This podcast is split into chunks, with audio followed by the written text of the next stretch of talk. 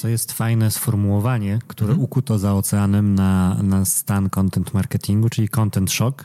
Mhm. E, mamy tego już od dawna zbyt wiele, e, żeby, żeby być w stanie przetrawić treści, które są publikowane. Są bardzo fajne statystyki pokazujące skokowy wzrost danych, które produkujemy e, rok rocznie. I ja spotkałem właściwie dwie, dwie główne odpowiedzi na, na pytanie, ok, i co teraz? I pierwsza to jest to, o którym Mikołaj i Wojtek już mówili, czyli odpowiedzią na ilość jest jakość. A parę dni temu u Garego Wajnerczaka, którego parę razy się u was też poruszało już, znalazłem jego takie podejście, że fuck quality, go, go high, e, czyli opowiedział się za, jakby wskazał na potrzeby, on zresztą to jest specyficznym bardzo człowiekiem, jeżeli chodzi o tworzenie treści, bo u niego to jest praktycznie 2-4 na 7 i dedykowany no tak, sztab 15 e, ludzi, osób. tak, który no. pracuje nad tym kontentem.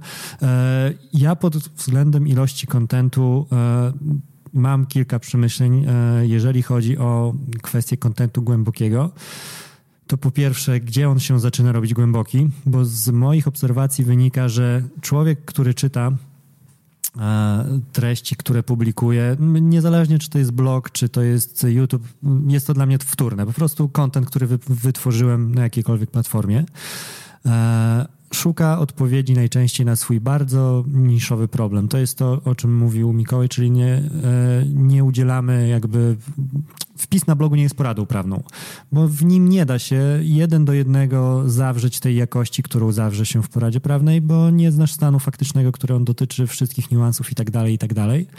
I według mnie, niezależnie od tego, jak głęboko pójść z tym wpisem, to taki czytelnik e, i tak nie znajdzie e, w nim takiego rozwiązania samodzielnego. Ja mogę sobie ściągnąć e, instrukcję obsługi samochodu i jak mi się zepsuje, może, mogę otworzyć maskę i sprawdzić, czy tam silnik jest, ale mhm. gdzie tam rewulbulator zwrotny przeci przeciął się z paskiem klinowym, to nie będę w stanie tego zrobić.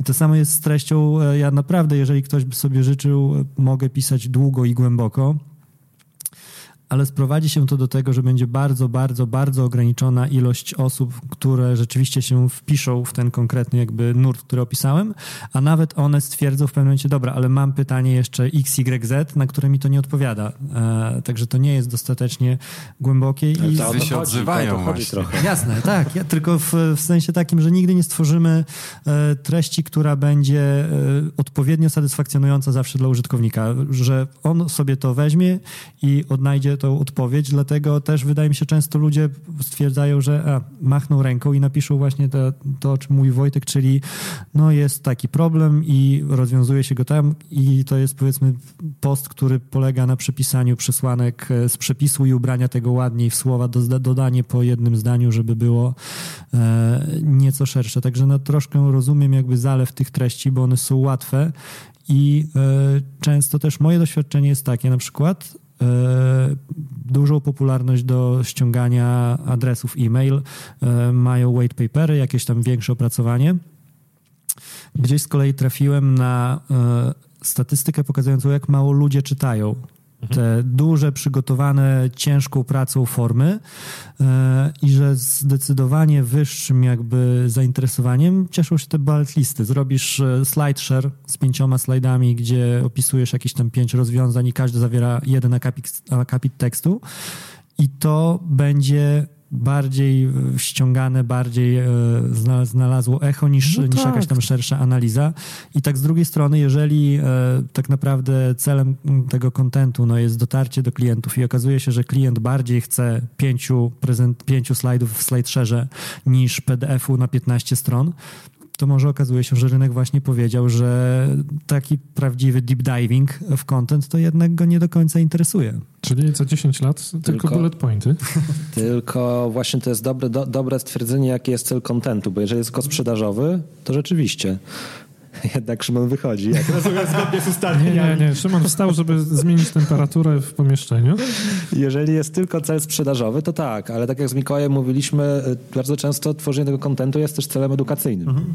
Ja to opowiadam zawsze na przykładzie wpisu u mnie na temat podatku od reklamy na Facebooku. Mhm. Ktoś mi kiedyś wrzucił taki temat, stwierdziłem, a sprawdzę. Jak zacząłem sprawdzać, to popłynąłem i się okazało, że dzięki temu wpisowi nauczyłem się e, dużo nowych rzeczy. Znacie to VAT. Nie, aż nie, w nie, nie, na tym poziomie płytkości. Natomiast to, co było zabawne, to było to, że potem zgłaszali się ludzie, którzy mówili, że poszli z tym artykułem do Urzędu Skarbowego i panie popatrzyła, patrzyła, przeczytała, faktycznie musimy zrobić naradę, czy tego podatku nie trzeba pobierać, bo z podstaw prawnych rzeczywiście to wynika, ale nie robiliśmy go wcześniej. Okay. No to teraz na wszystkich doniosłeś. podatków. Więc... Dziękujemy. Urząd dziękuję. Więc ta, tworzenie kontentu może być często zwykłą lekcją dla nas. Natomiast jeżeli zrobimy tylko wpis na temat tego, co wiemy i właśnie wylistujemy przesłanki, to niczego nowego się nie dowiemy, nasi odbiorcy się niczego nie dowiedzą. A tak to nawet jeżeli odbiorca to krótko mówiąc oleje, to ja będę miał satysfakcję, że wniosłem swoją wiedzę na nowy poziom.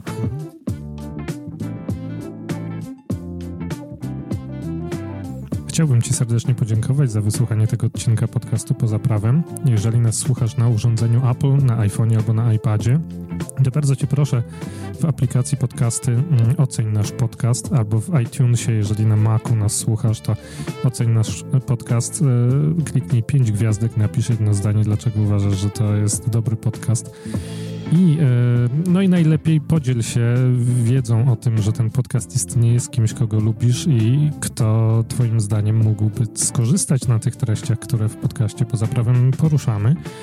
Jeżeli nie słuchasz nas na sprzęcie Apple, to też możesz zostawić recenzję naszego podcastu w aplikacji na przykład Google Podcasts oraz bardzo, bardzo gorąco zachęcamy do tego, żebyś również komuś, kogo lubisz, polecił nasz podcast. Jednej osobie wystarczy.